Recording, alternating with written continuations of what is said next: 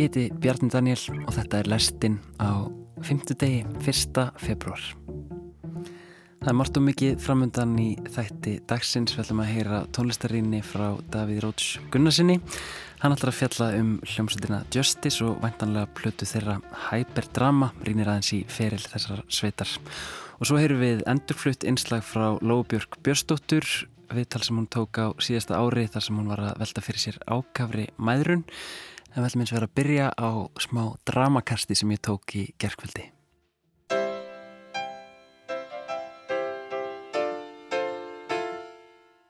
Í gær var síðasti dagur janúarmánaðar sem ætlaði engan enda að taka. Fimm mánudagar, fimm þriðudagar, fimm miðvöggudagar í einum mánuði og lægð eftir lægð. Þetta er búið að vera ofbeldisfullt ástand. Og aftast í löngum og snjóþungum janúarmánuði er kannski enginn fyrða þó að sé stutt í tilfinningarnar. Ég ákvaða að koma við í rektinni eftir vinnu í gær, ég geri það stundum, þó mér finnst ekkert sérstaklega notalegt að eða miklum tíma í world class. En þegar það gerist reynir ég yfirleitt eftir fremsta megni að slökva á heilanum, hverfa inn í plötu, playlista eða útvarpsþátt. Karl Orkan á þessum stöðum er yfirþyrmandi, vöðvasteltir menn út um allt, liftandi þungu, rimjandi, stinjandi. Mér langar ekki að sjá þá eða heyra í þeim eða vera þeir. Mér langar bara að reyfa mig aðeins eftir langan dag í skrifborstól. En í gær Þegar ég var að berjast við að loka á alla karlorkuna í kringum mig gerðist eitthvað skrítið það heldist yfir mig einmannaleiki. Ég fór að hugsa um alla karlana sem ég elska. Ég finn svo stert þegar ég hugsa um það að ég á svo mikið af vinum og kunningum sem ég hef verið að fjarlægast eða hafa verið að fjarlægast mig. Það er að myndast einhver gjá millir mín og mannana sem ég elska.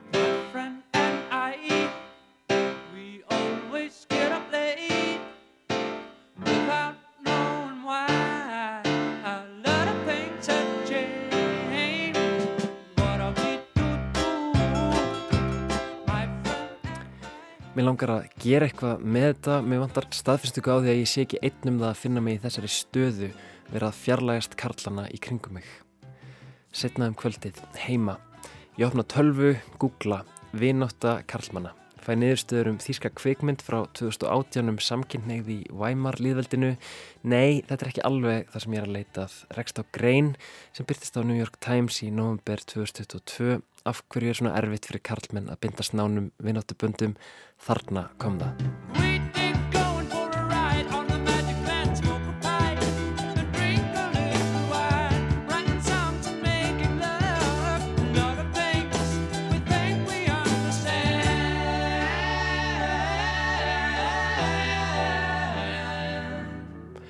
Í greininni er talað um að bandarískir menn sé að glýma við einmannarleika faraldur og vináttu kreppu, friendship recession. Einmannarleiki hefði aldrei mælst eins hár meðal karlmanna þar vestra og nú. Höfundur greinarnar ræðir við sérfræðingi í sálfræði sem talar um að yfirleitt eigi ungir drengir ekki neinum vandraðum með að vera á útopnu hvergakvart öðrum eða heiminum sjálfum en eitthvað gerist með aldrinum sem gerir það verkum að karlar loki sig af, eigi erfiðara og erfiðara með að tjá sig opna sig, opna tilfinningar sínar og þá sérstaklega gagvart öðrum körlum. Þessi lesning gerir mig sorgmetan. Það er svo mikið af karlmönnum í kringum mig sem ég elska Indisleir og breyskir, endalust, áhugaverðir, hæfileikaríkir, næmir, fyndnir og sniður menn, menn með markbrotnar tilfinningar og flóknar sögur í sér. Og allir hafa þessir menn móta mig, rétt eins og ég örglað móta þá á eitthvað nátt. Þeir hafa allir hver með sínum einstaka hætti verið afar mikilvægur hluti af lífi mínu í gegnum tíðina. Og þeir eru hluti af lífi mínu. En ég finn að það er samt einhver hluti af mér sem tengir við þetta, sem kemur fram í greininni, að með aldrinum gerist eitthvað, það kemur eitthvað fyrir okkur og við lókumst, fyrir minni eitthvað skell, hættum að hafa samband, bara til að hafa samband.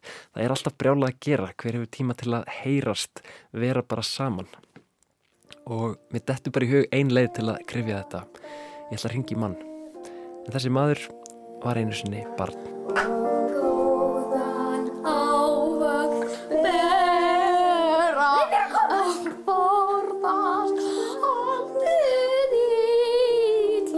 Afsakið, þetta er tæknibrekka. Þetta barn sem syngur þarna með Ellen Kristjáns er fullorðin maður í dag og heitir Áskir Ingi. Við kynntumst þegar við vorum cirka 7 ára gamlir fyrir eh, um það byrj 20 árum síðan og höfum verið bestu vinnir síðan þá. 20 ár síðan við vorum fyrst saman í bekk. Mm -hmm. Getur við talað eins um hvernig við kynntumst? Manstu það? Mér minnir að við höfum bara orðið frekar góði vinnir strax. Já. Og svona þriðja fjóra bekk sem við erum bestu vinnir. Mm -hmm. Það var eiginlega svona einhvers konar list sem að, sem að samin á okkur. Ég man að teik, við vorum mikið að teikna, við vorum mikið í hugmyndalegjum, mm búa til búa til myndbönd og handrit fyrir alls konar þætti, gerfi þætti. Já og velkomin. Þannig að í dag skulum við uh, að læra um Bjarnadaniel. Uh, eh, Kontu sæl. Já, kontu sæl sem er leiðis. Já, hvað... Já, hvað er þetta? Æ, það er svo þröngt hérna. Já, æ, ah. Við reyðum geta stækka stúdíu eða það. Svo vorum við líka í náttúrulega uh, starfosleikjum og, og, og svo fókbalta á endanum þannig að þetta er svona já, alveg, allan grunnskólinn held ég að við mótað svolítið hvern annan Þó svo að viðnáttan okkar hafi haldið í gegnum tíðina þá höfum við ásker leitaði mjög ólíkar áttir í lífinu í mentarskóla fór ég að dragast mjög að jáðartónlist byrjaði að reykja hefur alltaf verið pínulítið blankur og illa greittur En ásker er allt annar staðar í lífinu. Ég er fyrirtæki aðendi á fyrirtæki sem var búa til myndbönd fyrir samfélagsmiðlega fyrirtækjum. Þetta er Pop-Up og þannig að ég er að gera aðalega svona þessi nýju, nýjustu shortform, eða svona stuttmyndbönd á samfélagsmiðlum sem er á TikTok, Instagram Reels og Facebook Reels. Mm. Þannig, já, og ég er að vinna mikið í samfélagsmiðlum og markasetningu og, og öllu sem tekist því. Þannig já, það eru ólíkar áttir. Fór í Vestló á Háar og, og svona, já, meira þeim einn í lífunu Emmitt, emmitt. Og búin að koma upp fjölskyldu Já, ég var náttúrulega að sjálfsög hérna er ég með barn og konu heima líka um íbúið fórsóinum Já, þetta er, þetta er svart og hvít Ég útskýri fyrir áskýri einmannleika kastið sem heldist yfir mig þarna í gær óttan við að missa tengingu við vinnu mína, Karlana í lífu mínu. Ég spyr hann hvort hann tengi við þessar tilfinningar. Ég get alveg verið samanlega því að þetta er alltaf að minga með með árun því bara að fullornar því meira sem að fullornast þá hérna, mað, þarf maður alltaf að fórna annarkort fjölskyldutíma eða, eða vinnatíma eða hvað annað sem maður er að gera eða fyrir vinnu og allt það. Um, en já, ég samála því að samt sko að mikilvæg þú veist, mikilvæg er ennþá til staðar en maður svona gleymið sér meira í hverstagsleikanum en svo gerist það svo rætt frá 20 til 27 ára aldrei eins og við erum núna. Þetta allt í einu hætti maður að í raun áður fyrir þurfti maður ekki að hafa fyrir að umgangast vinið sína að því maður var annarkort í skóla eða í veist, hérna, einhvers konar félagsstarfi eða hvað annað með, með vinið sinum. Mm -hmm. en svo um leiðum maður einhvern veginn útskjast úr því og fer í allir í sína átti þá þarf maður að hafa miklu meira fyrir og, og veist, maður vaknar oft eins og þú í gæri hérna vaknar á hálsvarsfresti kannski og, og vill fara að gera eitthvað í þessum málum og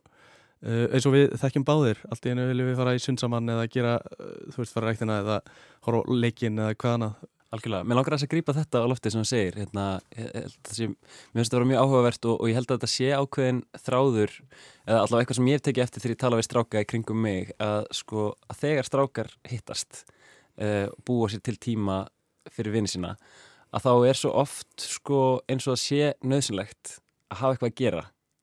Veistu hvað ég meina? Hvaðan heldur að þessi þörf komi sko hjá strákum að einhvern veginn hafa alltaf eitthvað þurfa að hafa eitthvað að gera þegar þeir hittast?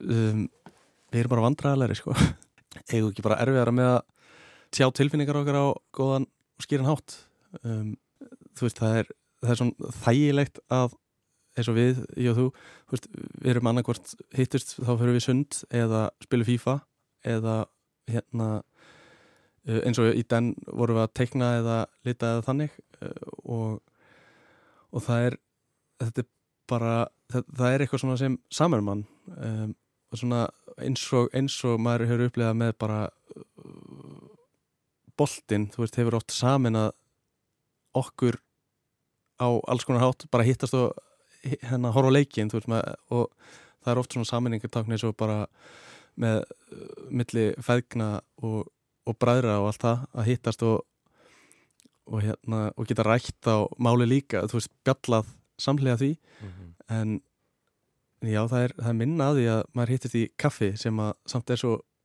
næs og skemmtilegt. Mm -hmm. um, af hverju þetta er er mjög góð spurning. Ég held að þú þurfur að spyrja miklu fleiri til þess að komast að því. Það gerir eitthvað ítalega, ítalega rannsókn á þessu sko Einmitt, góðu punktur. Það væri örgulega best að gera ítarlega rannsókn á þessu viðfangsefni. Uh, ég hef vissulega ekki tíman til þess að gera það í dag en ég náði þó í einn mann til viðbótar. Hann heitir Einar og hann er góður vinnur pappa míns.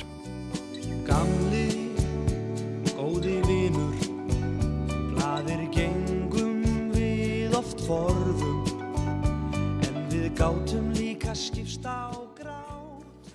Þetta er alveg góð punktur vegna þess að sko, þá fór ég að hugsa tilbaka við strákarnir þegar við vorum unglingar, veist, bílprófið, runda um og þú veist, færi bíó, sund, skilur þau, whatever, bara að gera eitthvað, láta eins og fíbl, veist, strákast eitthvað.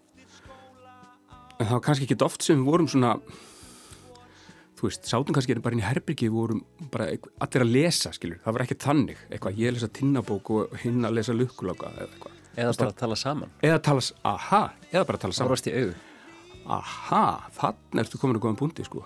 vegna þess að það er kannski ekki það, þá fer virkilega að skilja á milli feiks og ófeiks hversu mikla samleð áttu með þessari mannesku sem þú ert að þú veist, sem þú ert að eiga samskipt við úr. Nú er gróið yfir sporin með sjanna bróður sem við gengum oft á vorin. Þetta er afskaplega afstætt fyrir mér vegna þess að sko hvað er vinátt að, þú veist í, í, er ekki bara vinátt að milli, milli kalla? Ef við segja, kalla, segja svona. Þú veist, þú getur við vinalegur við alla í kringu þig af hvaða kyni sem fólk er eða, veist, fólk er bara fólk. En ef þú kallar einhvern vinn þinn sem að ég gerir mjög gætnan, ég segi, þetta er einn af mínu þremur nánustu vinum eitthvað svona, eins og til dæmis með pappaðinn að sko, við kynntumst 1997 og Það er árið sem ég urðum bara, fæðist. já, ha, Það er árið sem ég fæðist. það er árið sem, árið sem Bara þú fæðist samhengi, já. já, nákvæmlega, sérðu það, akkurat þú ert hérna útásmaður og ég er búin að vera að gera alls konar og við urðum eh, hérna, við urðum vinir og nánir og treyst og síndum hvor öðrum hvor annan, síndum hvor öðrum tröst segi ég frá mí- mínu brjósti mjög fljótt og þetta er mjög afstætt því að ég á stóra vinahópa strákun sem ég ólst upp með og var kannski með í 6 ára bekk skilur þú veist, ég fættur 65 þannig að það er veist, 71 eitthvað. En við pappiðin, við urðum mjög nánir vinir mjög fljótt.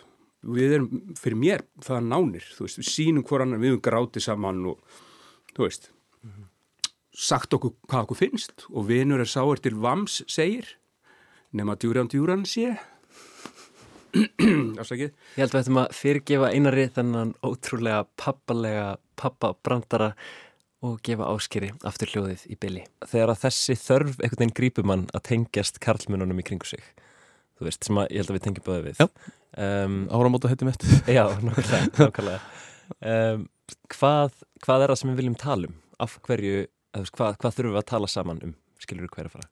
Já, ég skil komin um, þetta, þetta er bara einhvers konar tenging held ég ég held að sé ekkit eitthvað ákveð sem að maður vil endilega ræða við félaga sína en það er alltaf einhver gauragangur sem maður vil sem maður þarf að halda í lífi sínu.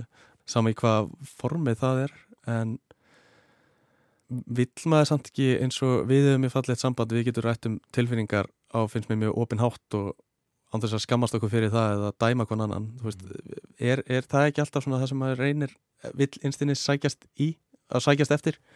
Að hérna að bara geta speikla sig og hérna á, á skoðunum og, og tilfinningum án þess að og vera í bara einhverju ör, örgu umhverfi við það ég, mig, ég held að það sé það sem maður sækist alltaf eftir innstinni og svo náttúrulega vil maður líka, vilja vera fótbolta og tónlist Mm Það fylgir líka. Já. Mhm. það fylgir alltaf eitthvað að því en, en oft sko þegar ég hérna, ég finn fyrir því, oft þegar ég hitti svona mína nánustu vinni sem maður getur verið sem opnastu við, þá byrja maður oft að ræða um eitthvað svona yfirbúrskenk hvað maður að gera og hvað svona hérna eitthvað fótbolta og eitthvað svona svo langar mig oft, ég finn oft fyrir það mér langar bara að kötta á þær samræður og fara aðeins dýpra strax Mhm. það er að því maður hefur núna eins og ég eh, hef bara takmarkað tíma með fjölskyldu og, og svona og þá langar maður að nýta þann tíma sem allra best Mhm. þannig fara beint í djúsið. fara beint í djúsið sko. það er eitthvað sem að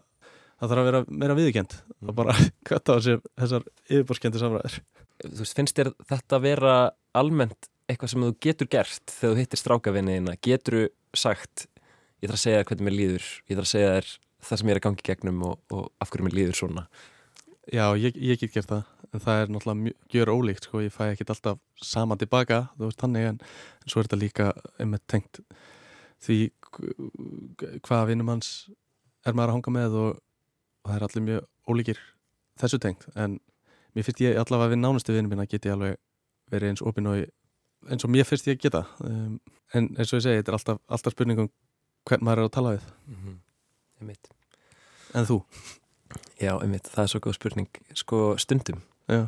stundum er það ekkert mál um, og ég áalveg vini sem að ég get heyrt í og bara sagt bara, "Nú, ég þarf að tala við þig Mhm. skilur og byrja að tala um það. En, en svo eru líka aðrir menn í lífið mínu sem að ég elska ótrúlega mikið og, og ég vildi að það væri auðvöldra fyrir mig að hafa samband á þennan hátt en það er það bara ekki. Nei, nei, um, og það er held ég það sem að það er svona svo sorg sem að fór að krauma í mér svolítið í gær.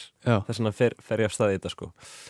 Nei, það er alveg rétt. Maður vill, maður, ég tengi alveg þetta, þennan punkt, sko, að maður væri ótt til í að geta bara hist í kaffi og bara, þú veist, sagt hlutina eins og þeir eru, hvernig mann líður, spurt á móti hver, og þú veist, endur spekla sig án þess að þurfa að grípi í eitthvað svo FIFA eða fótbolta eða, eða hafa eitthvað að gera bara maður mann. Það væri náttúrulega draumurinn að geta það í flestum tilfellum. Við áskeir viðumst báður vera nokkuð sammála þarna en eftir langt spjall við Einar er eiginlega komið í ljósa að hann verðist ekki tengja við þennan sama óta eins og við gerum. Honum hefur tekist að halda opnum og heiðalum samskiptum við sinn nánasta vinakjarna árum saman og þó þessi samskipti séu alltaf sveiflukend og verði stundum óvenju virk eða óvirk í einhvern tíma þá eru sambundin sjálf alltaf til staðar. Mér finnst það hugreistandi og ég spyr Einar. Kanski fæ ég að spyrja það bara eftir með eitthvað ráð. Já, í raun og veru. Sko, það sem er dætt í huga, já, ráð, ég, mér, datt, mér langaði að spyrja þegar þú varst að tala um þetta. Uh, Þið áskeir, þið, ef ég skildur rétt, þið voru að tala um það að þið hefðu svona, væri svona pínu stressaður yfir því að þetta bara, þú veist, núna menn væri kannski komið kæristu eða maka eða, þú veist, kærasta eða hva, hva, hvað það er, sko. Að þið svona driftu eitthvað, fjarlæðust eitthvað og það þyrfti að svona finna sér eitthvað tilefni til þess að, til þess að gera þetta. Þið talaðu um þetta hér, eh, skil ég það rétt, þið voru að tala um þetta í morgun, Já, veist, já. þið eru að tala saman hér um þetta fyrir aðra sem hlusta á þetta. Mhm. En akkur voru þið ekki búin að tala um það fyrr, skilur eins og, eins og pappi þinn segir mig, heyrðu, við verðum að fara að hittast og það er reyndar nokkur, nokkur marga vikur síðan að við segjum þetta báðir, veist, þetta sé frasi sem allir þekkja, þú veist, heyrðu, þetta gengur ekki lengur, við þurfum að hittast og taka kaffi og eitthvað, horfa leik, blöð, eitthvað og svo er bara lífið að flækjast fyrir, þú veist og hérna já, þetta getur farið þá átt að maður bara svona gleymi að já, huga að eða hafa samband við einhvern sem að, þú veist, þó þú hafir ekki hafir ekki tilefni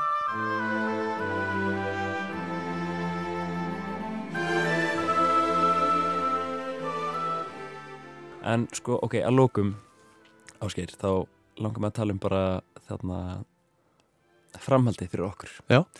Um, þú veist eins og við töluðum um í, í upphafi sko, uh, þá erum við á ólíkum stöðum. Uh, það verður aldrei stoppað okkur, það verður aldrei þú veist, það verður aldrei slest upp á uh, neitt alvarlega, þú veist, og við einhvern veginn, þó við hittumst ekki alltaf mjög reglulega, þá erum við samt alltaf einhvern veginn jafn góði vinnir þegar við hittumst. Ég elska það. Um, þurfum við ekki einhvern veginn að, reyna samt að lofa hverjum að vera einhvern veginn meiri, meiri hluti af lífi hvers annars Jú, ég held að, ekki bara stóru mómentunum, líka litlu. Jú, ég held að það sé, það var alltaf áram, áramóta heitir mínu, það voru nokkrir, nokkrir vini mínu sem ég setti nýru blað og ætlaði að styrkja sambandi með, þannig að það er, það er fyrsta skrifið, það er ákvörðun og svo er það bara framkvæmtinn. Þú talaður um ráð, ert þú spurður, ertu með ráð? Mhm. Og nú bladraði ég svolítið, hérna, svona, fór í svolítið skoðaferð eins og ég gerna að geri. En sko, til þess að halda með við efni, hvað það var þar?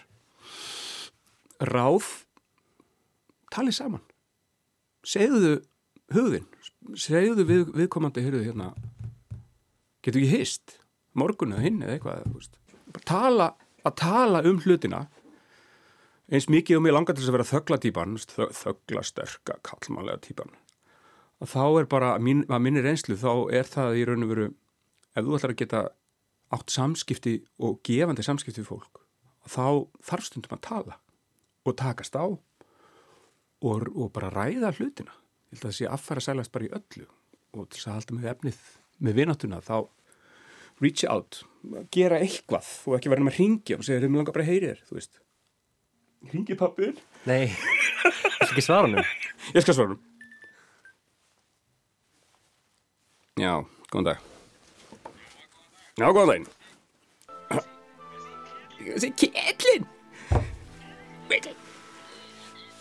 Það er kettlinn. As far as my eyes can see.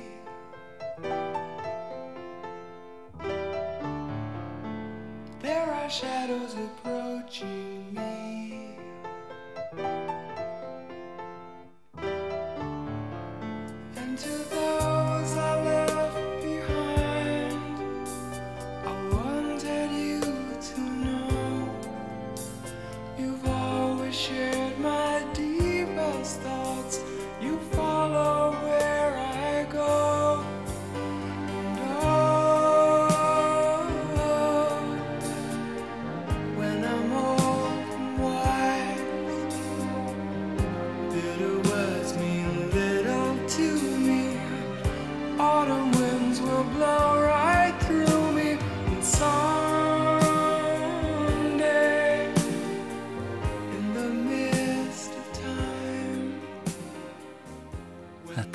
Þetta yndislega lag er í bóði Alan Parsons Project.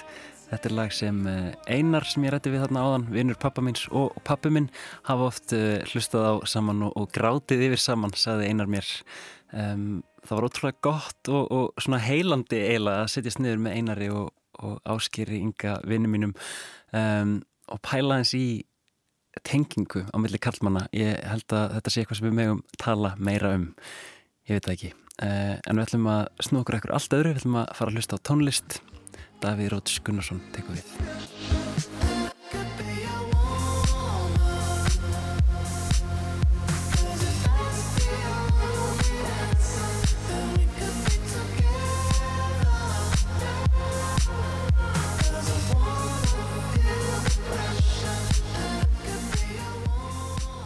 Hér heyrðum við spánýtt lag með franska danstónlistadúettinum Justice í samstarfi með ástrálska sírurokkaranum Kevin Parker, aðalsbreytu Tame Impala. Lagið One Night, All Night er annað af tveimur sem komum frá Justice í síðustu viku sem fyrsti forsmekkur af fjóruðu breyðskjöfu frakkana, Hyperdrama, sem er væntaleg 27. april næstkomandi.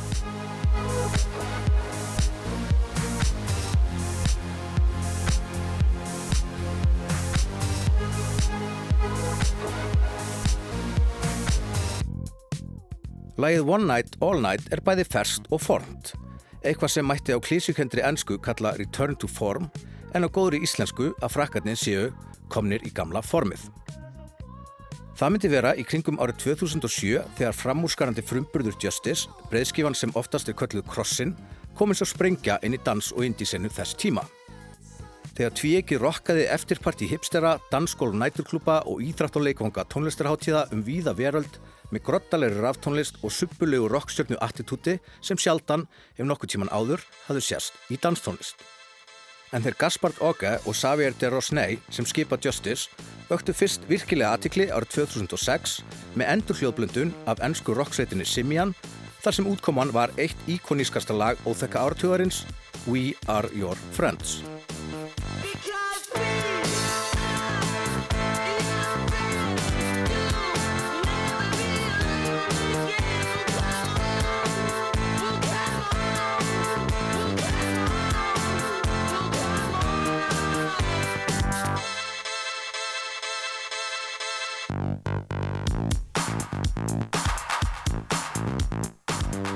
Þau eru teljandi á fingrum tuga handa, skiptin sem ég hef hoppað í ring með hendur á herðum vina og kunningja minna við þetta lag á skemmtistöðum, í fyrir og eftirpartíum, brúðkaupum, útskriftaveslum, þrítugs og færtugsammalum.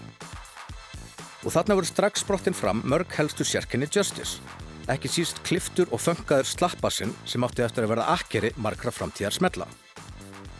En að þessu og fyrstu breyðskifu Justice var talsfyrur aðdragandi.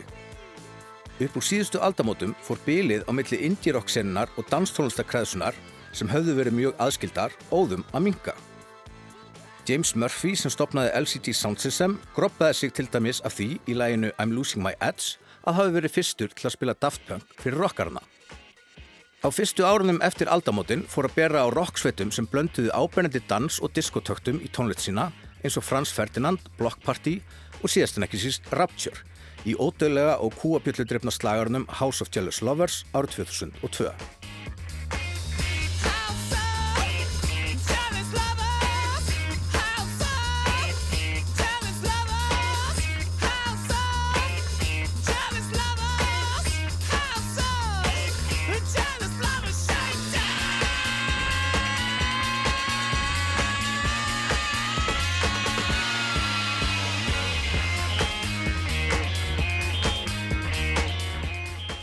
Eftir því sem líða tóka áratvíin komu svo fram listamenn sem nálguðu samrunan úr hinni áttinni. Ráftónlistamenn sem blönduðu grugguðu rocki við danstónlistunum sína. Eitt dæmi um það er þriðja plata Samlanda og helstu forvera Justice, danstónlistar tvíekisins Daft Punk, á þriðju breyðskjöfu þeirra frá 2005. Þar stígu þeir skref tilbaka frá fáuðu diskofunki plötunar Discovery og fögnuðu grófkortnuðum einfaldleika í lögum eins og Robot Rock og titilæginu Human After All.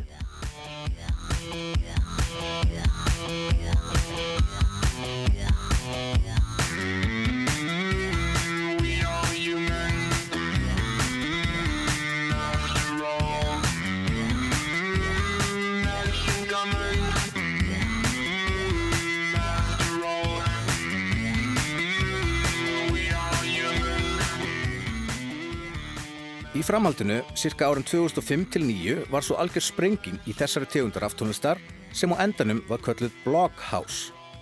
Það voru margir ráftónlistamenn úr ýmsum áttum og frá ólíkum löndum sem voru settir undir þannan hatt og það sem helst samanæða þá var hljómur, áferð og attitút.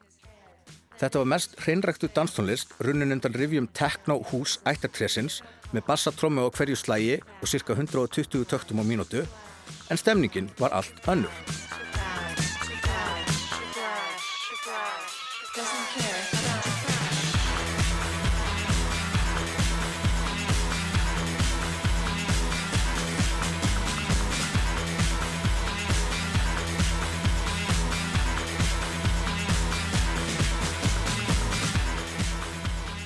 staðin fyrir nákvæma vélrænu teknosins eða silkimjúka sál hústónlistarinnar þá var sándi rokkað, slísi og suppulægt. Bjögunar effektarnir voru notaðir ótæpilega og mikið var um syntha sem hljómiðu meira eins og ramaskítarar. Jazz Shaw, annar helmingur Simian Mobile Disco, sagði að þetta veri tónlistin sem kom þegar fólk sem hafi verið í rockklónsettum byrjaði að gera ráftónlist. Eða eins og áðurnemdur James Murphy sagði í áðurnemdu LCD Sound System lægi I heard that you and your band have sold your guitars and bought turntables. Yeah,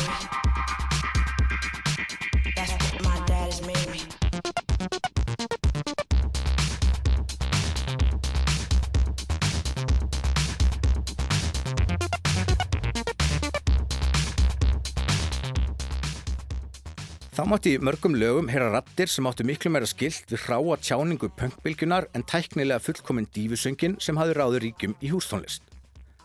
Það var líka sterk remixmenning í þessari senu og það lágur rocklaug vel við höggi. Þetta var lungu fyrir Spotify og streymisveitur þegar MP3 var orður stórt en fyrir tíma torrents og allsráðandi iTunes. Þegar tónlistablogg eins og Stereogum höfðu mótandi áhrif og þú gast meika það með því að koma einu lægi inn á réttu bloggin. Á leitavílinni Hypem var svo hægt að leita að lögum og listamönnum inn á helstu bloggum og hún tók líka saman vinsaldalista yfir mest blogguðustu lögin. Þessi nýja rockaða danstónlist var mjög vinsæl á bloggunum og þaðan kemur nafnið Blockhouse. Meðal helstu listamanna sem hafi verið kendið við stefnuna eru Digitalism, Mastercraft, Soulwax, Simian Mobile Disco, Boys Noise og Sebastian og franska útgáfan Ed Banger var stórtæk í geiranum á sínum tíma. En ef eitthvað band var fánaberi blokkhúsins, þá var það Justice. Og fyrsta breyðskifan þeirra var hápunktur senunar, en hún hefst svona.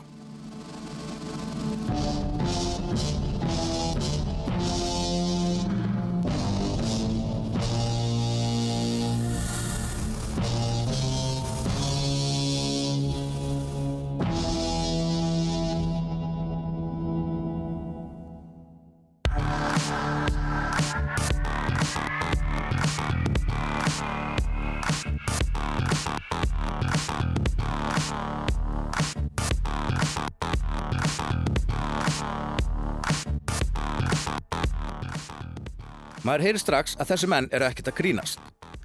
Þvílitt dramatík, þvílitt funk. Godzilla brass og diskostrengir, bjagaður bassi og gislabissur. Er fræðilega hægt að byggja meira af opnunalagi?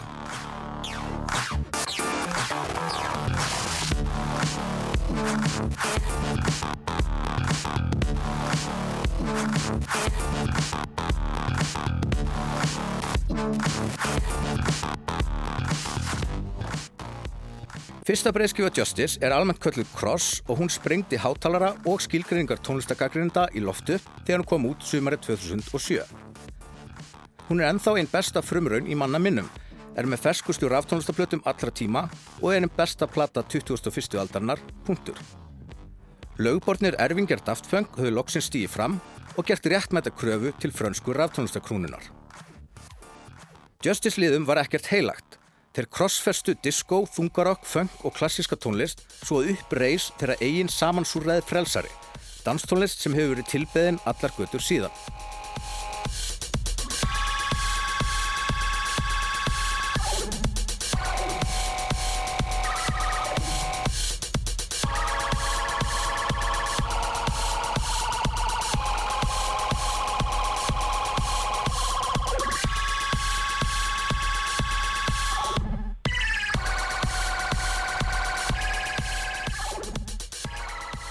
Og verði ljós, Let There Be Light, segja þeir síðan í titli annarslags plötunar en meinaðu þetta myrkur, sem í samhengi danstónlistar er náttúrulega miklu meira viðigandi umhverfi.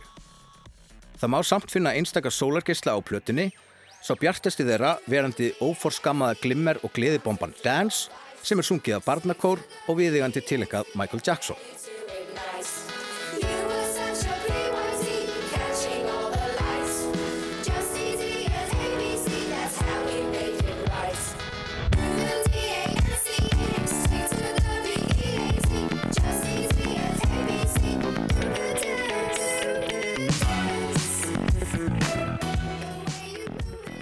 Það er óbúslega margt í gangi á þessari plötu en nokkur frumefni eru ríkjandi.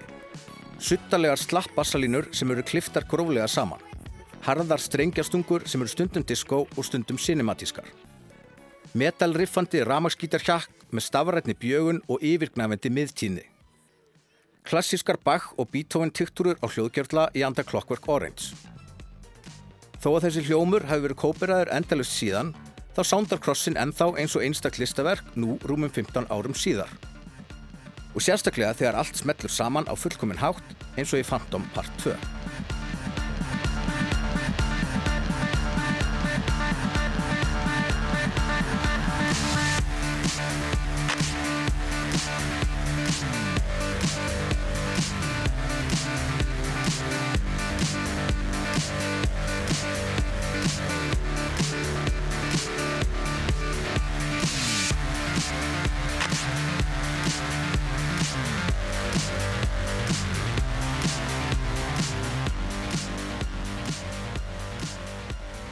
kjölfarplötunar túruðu Justice um heiminn þar sem þeir báru sig meira eins og rockstjörnur heldur en ráftólistamenn.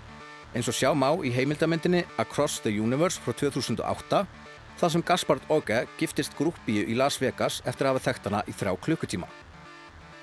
Það voru ágættir sprettir á plötunni Audio Video Disco sem kom út 2011 og smáskifan Safe and Sound af Woman frá 2016 var hreint afbræð þó platan sjálf hafi verið í meðalagi. En síðan eru liðin sjö ár og þau tvö lög af hyperdrama sem félagarnir sendu frá sér í síðustu viku finnst mér þau mest spennandi frá þeim síðan Crossin kom út.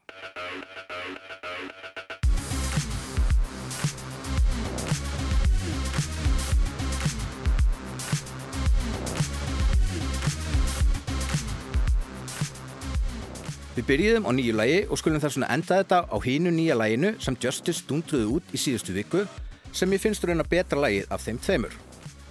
Lægið Generator er mökk, dimt og sundurklift óperadisco og við í þessum vagnir lestarinnar ætlum að leiða okkur að vera nokkuð spennt fyrir breyðskífinu Hyperdrama sem er vantarleg frá Justice þann 27. apríl.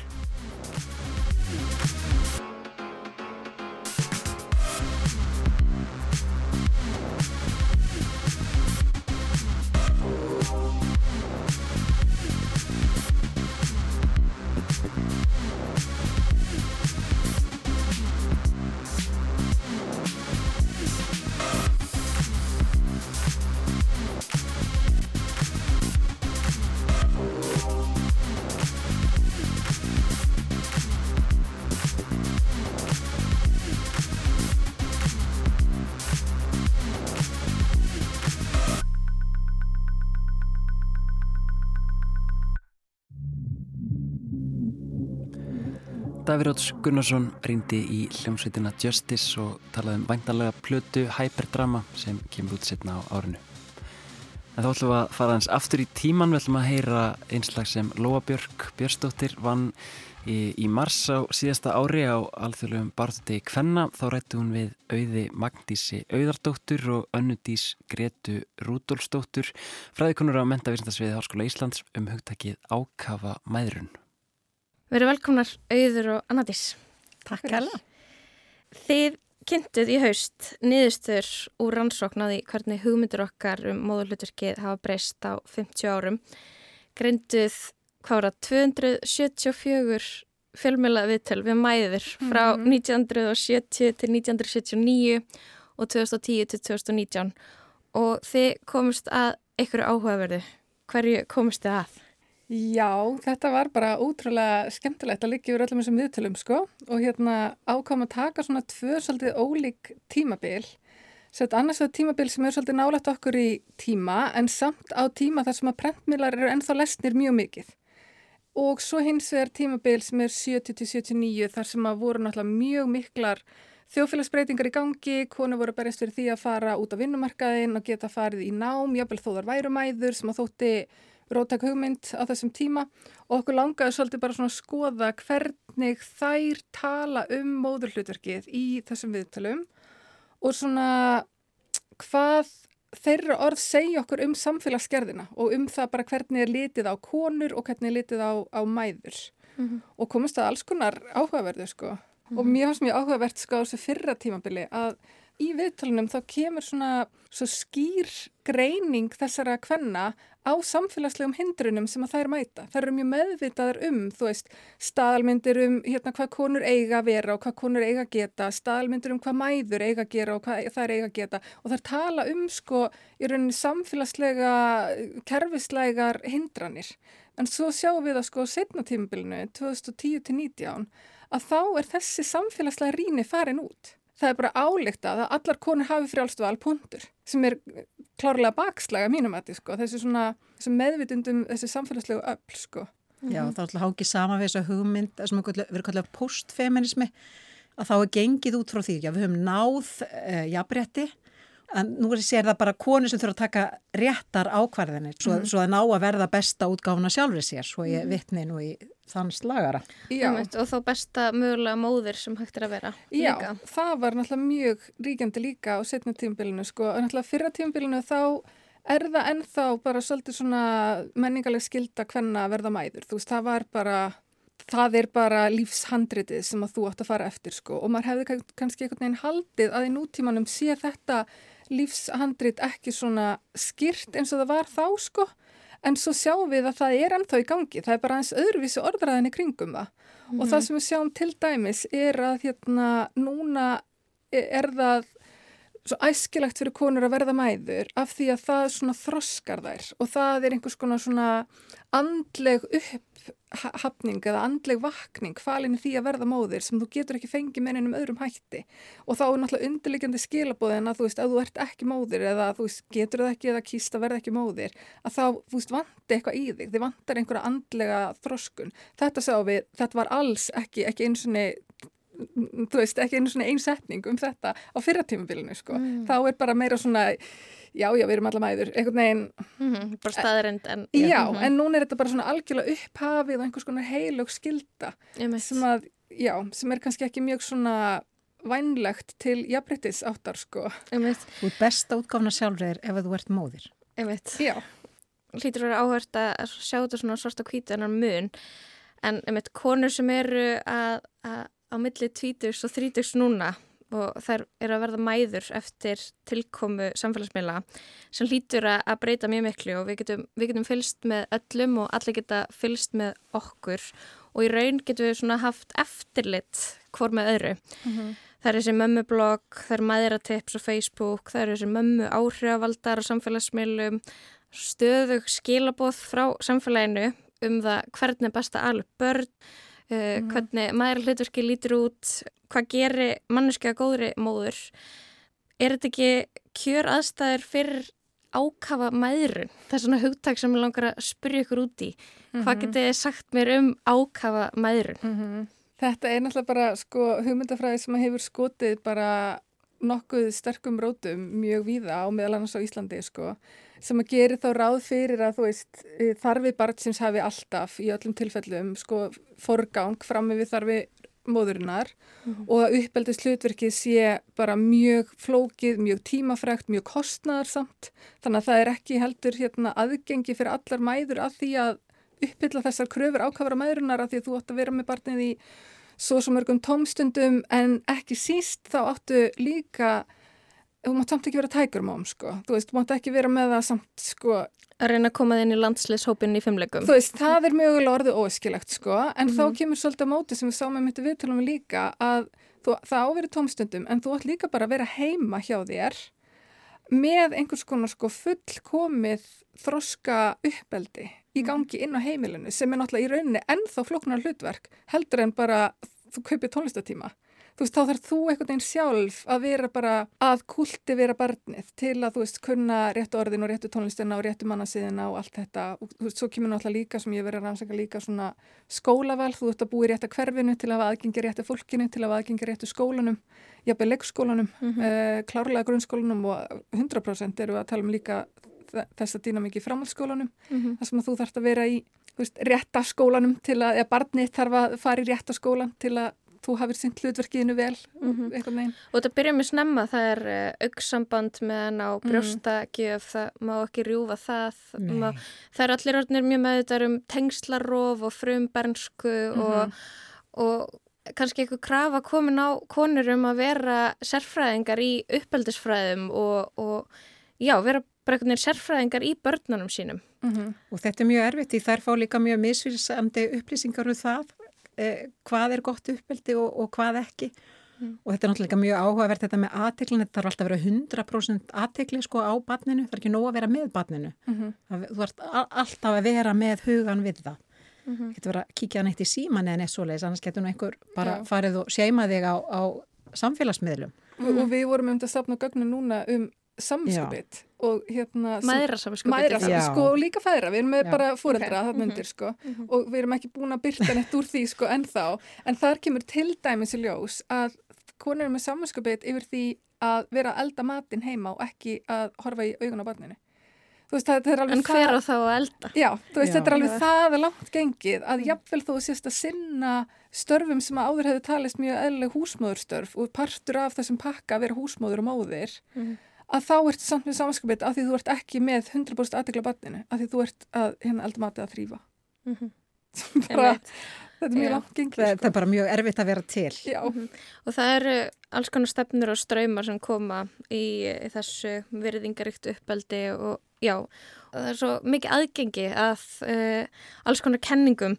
En ég sko, ég verið að skoða eins hóp svona ungra íslenskra kvenna sem að halda úti Instagram síðu sem heitir Nærðar konur. Og þær er að finna alls konar fræðslu um tíðarhingin og heilsu kvenna. Og það er verið að skoða það eða svona verið að tala um þessi mál út frá ég veit ekki hvort það verður rétt að nota orðið grasalækningar en er eitthvað svona heildræn nálgun heimafæðingar uh, já, vera með svona dúlu sem er svona hjálpar þeir að komast í gegnum fæðinguna.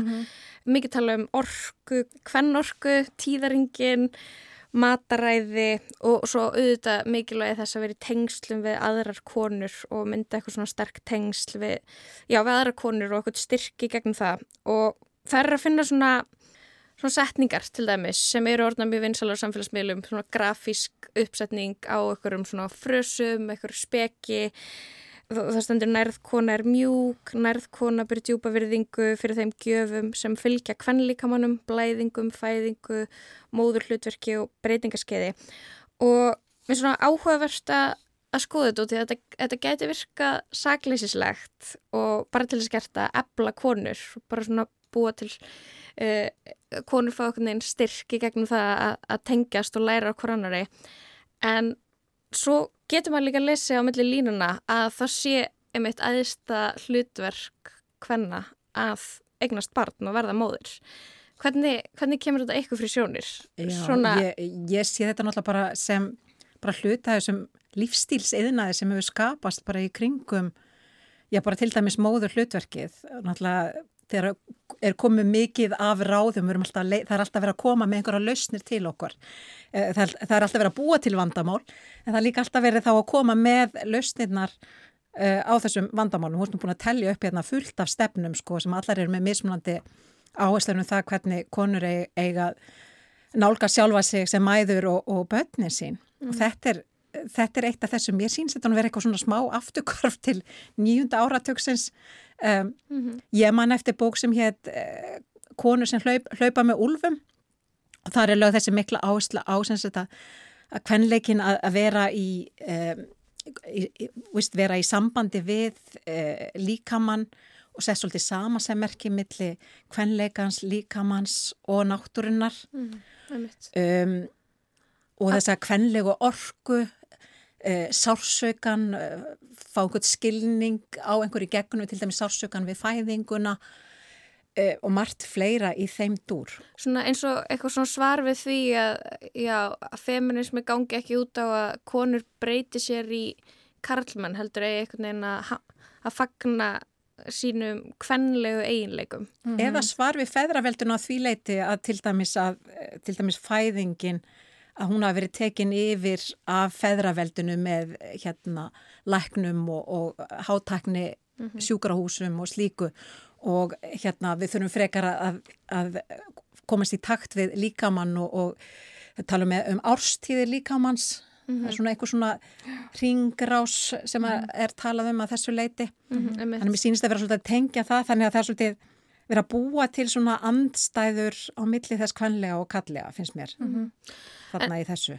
En ég myndi sko á samfélagsmiðlum þá svona kemur manni þannig fyrir sjónir að feminismi og, og svona umræða um kvennrættindi og jafnrætti kynjana er mjög virk en á sama tíma er að verða verða mm -hmm. til eitthvað svona mm -hmm. uh, stefnir og ströymar sem mann finnst vera mm -hmm. eitthvað svona bakslag, er þetta eitthvað búin að veltaði fyrir ykkur af hverju, af hverju þetta er að gerast á sama tíma? Sko við búum bara við svo gríðarlega sterka einstaklingshyggju að sko, mér finnst alveg skiljanlegt að þegar við erum með eitthvað svona skilabá annarsegur um bara já, þú veist, konur þurfa að standa saman og þú veist, girl power og eitthvað svona annarsegar og svo hins vegar þessa rosalegu einstaklingssyggju sem er bara hver er næstur sjálfum sér, uh, hérna, það er, það er ekki til neitt sem heitir samfélag og allt þetta sko. Að útkoma nú þegar þetta tvent sko tvinnast saman verði þá eitthvað svona? Þú veist, mér finnst það í rauninni eðlileg aflegging að það sem er bara eitthvað neginn já, ok, þar þá ekki bara hver og ein kona að líta inn á við og hjálpa heinum konanum í kringum sig að líta inn á við hjá sér og þá hlýtur þetta alltaf rettast í stað þess að því það er bara svo flókjum við erum, erum ekki, erum ekki reyngum með sko bara orð til að gaggrína bara velferðarkerfið, kapitalisma þú veist, alla þessa einstaklingsmiðun og allt þetta, mm -hmm. þannig að þú veist lang flestir svona samfélagsmiðlar eru bara mjög einstaklingsmiðaðir og, og rauninni presentera svona einstakling, einstaklingslausnir á kerfislegum vanda mm. og mhm. það er bara meðal annars af því að veist, við erum bara búin að vera í mjög langt gengnum kapitalískum samfélögum hérna í nokkra tíu ára, þú veist, frá því að áður en margir þessar áhrifaveldur fættust, sko. Mm -hmm. Þannig að fólk þekkir ekkit annað, sko. Þetta er, svo, þetta er svo flottu punktur um eitt hjá auði sko að hérna vandar orðin og, og svo framvegis og það er eitthvað mjög fallegt við þetta svo hugmyndum sýstralag til dæmis og skapa mjög. örugt rými og eitthvað svo leis. Ég tímdi ekki að borga 5.000 krónur á mánuðu til þess að fara inn í þetta þegar nú kostar allt til þess að komast inn í þetta til þess að fá lausnina við vandamálinn þannig ég veit ekki hvers konar umræður eiga sér stað þarna mm -hmm. en til dæmis bara e, þegar maður tala um til dæmis nýjunda áratögin og svo leiðis að þá var til dæmis mjög mikið um svona hópa af konu sem að voru að hittast og ræða, bera saman reynslu sína mm. en alltaf að spá í mm -hmm. samfélagið -hmm. og, og hérna og hvernig misrætt í samfélaginu hafi haft eh, haft þessar afleðingar á þeirra líf. Þá var markmið hvernahópana sko að greina hvaða pólitísku öll það væru sem var að halda konum niðri. Bara niður með feðraveldi? Já og bara öðlast sameilan skilning á því og, og þú veist, samtaka mátti að þú veist, berjast fyrir kerfislegum breytingum á, á samfélaginu sko. Mm -hmm. En núna er einhvern veginn alltaf bara þú veist að líta innra með þér sko. Og ég, þú veist, sé þetta líka bara, þú veist, í minni kennsla mentavista sig að þú veist það sem ég er bara einhvern veginn alla daga með mínum nemyndum að reyna að segja þeim er sko þegar að einhvers konar kenningum uppeldi eða konur eða fóröldarhlutverki er presenturuð, þá verður við alltaf að stoppa og hugsa hver, hva, úr hvers konar samfélagi sprettur þessi kenning og hvaða áhrif getur hún haft inn í samfélagið og þetta á til dæmis bara mjög vel við um þessar tengslakenningar sem hafa, og það hefur verið skrifað um það, hvernig þær hafa verið nýttar í pólitískun tilgang til að segja að konur ætti ekki að vinna úti. Það er bara að vera heim og horfa augun á börnum sem allan daginn sko og þá er allir bara, er þetta ekki á móti tengslum, þú veist en auðvitað er ekki á móti tengslum en það verður bara líka að huga að þessu pólitíska uh, hérna, sam, samhengi sko. Og hvernig kenningar eru teknar og tólkaðar og enda í samfélaginu. Mm -hmm, sko, ef við þarna, beinum sjónum okkar svona lokum aðeins aftur að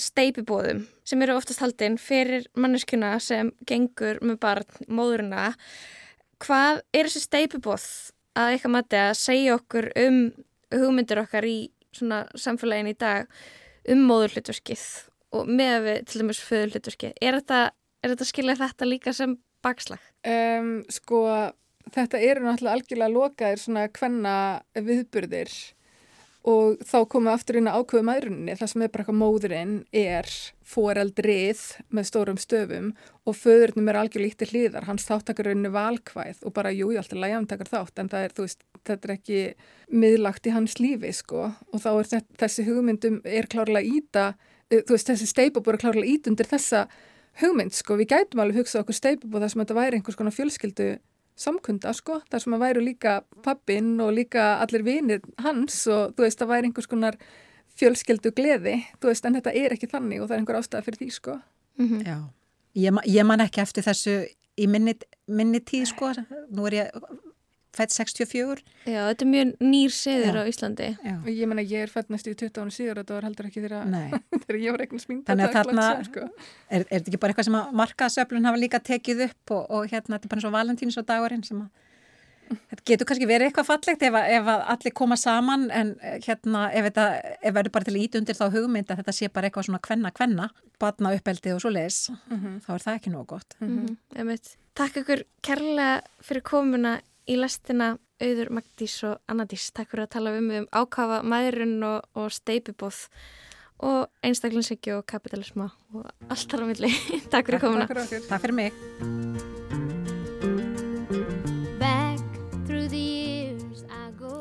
Þetta síkildarlagi flutningi Dolly Parton, Code of Many Colors og þar áður rætti Lóa Björk Björnstóttir við auði Magdísi Auðardóttur og Önnudís Gretu Rúdólsdóttur. En lestin verður ekki mikið lengri uh, í dag og þessa vikuna. Uh, ég heiti Bjarni Daniel og þakka fyrir samfélina hér í dag. Teknumæður var Lítja Gretastóttir. Við heyrumst. Every piece was small and I didn't have a coat and it was away down in the fall. Mama sewed the rags together so in every piece with love she made my coat of many colors that I was so proud of. As she sewed she told a story from the Bible she had read about a coat of many colors Joseph wore and then she said perhaps this coat will bring you good luck and happiness and I just couldn't wait to wear it and mama blessed it with a kiss my coat of many colors that my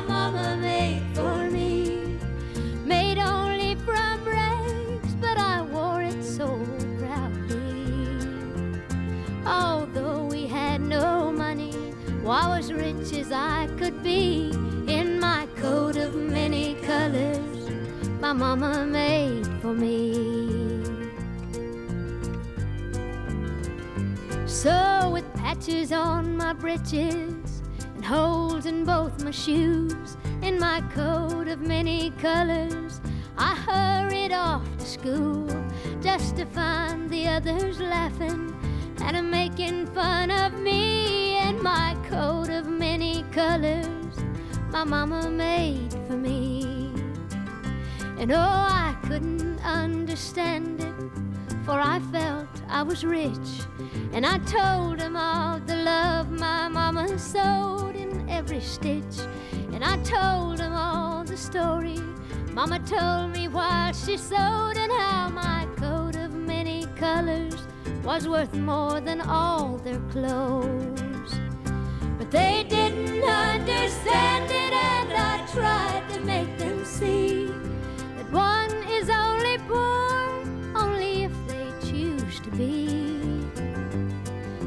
know we had no money, but I was rich as I could be in my coat of many colors my mama made for me, made just for me.